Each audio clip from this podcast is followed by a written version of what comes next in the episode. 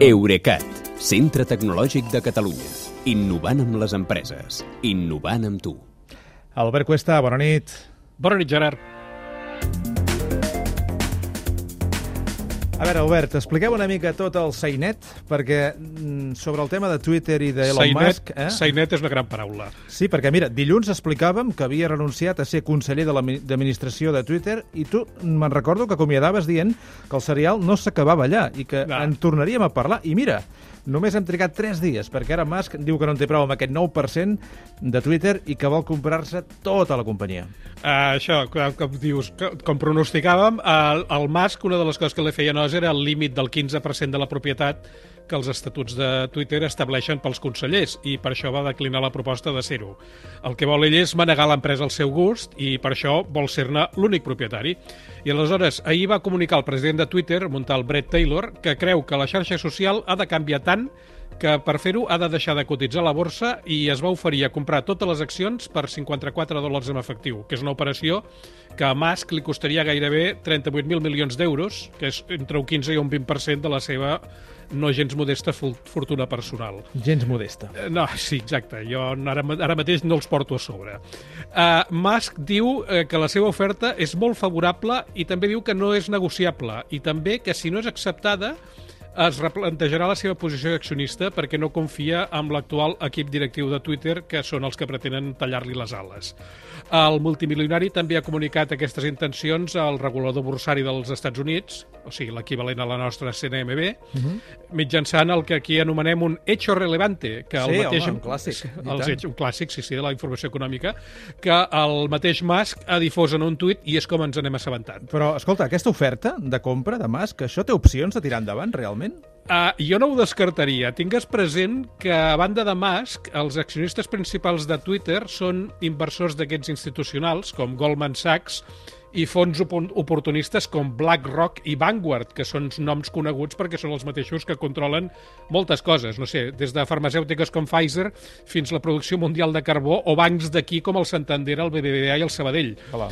Eh, I Musk, amb aquesta gent, els ofereix una prima del 38% sobre la cotització que Twitter tenia primer de mes. Això està per sota del que valia només fa un any, però continua sent llaminer, sobretot per qui cregui que Twitter no té gaire futur comercial. Uh, parlant d'això, també et dic que no hem de descartar que tot plegat siguin maniobres per manipular el preu de les accions. En Musk hi té la mà trencada. Pensa que només amb la compra de 9% de fa una setmana la cotització va pujar un 27%. Avui, jo m'ho mirava i vist que també han començat fortes, però després s'han estabilitzat, de manera que els inversors sembla que esperen a veure què passa. Deixa'm que recordi que Musk ja fa 4 anys va anunciar que volia fer el mateix amb Tesla, que la volia treure de cotització Sí. en borsa. I pocs dies després es va fer enrere. Jo suposo que els reguladors d'allà s'ho estan mirant tot amb lupa. Però escolta una cosa, eh, segurament hi ha molts oients que tenen el seu compte de Twitter, no?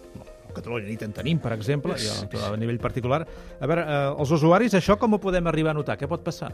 Aviam, Musk eh, presumeix de ser militant de, militant de la llibertat d'expressió, de manera que es podem esperar que relaxi les normes sobre el que s'hi pot dir a Twitter i el que no.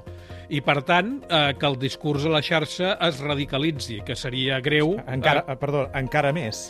encara més, sí, sí, però ara hi ha un cert... No sé, per exemple, Twitter va expulsar Donald Trump. Tard, però ho va fer. Um, uh, si, el, si el discurs es radicalitza, uh, seria greu perquè bona part del debat polític informatiu del món passa precisament a Twitter.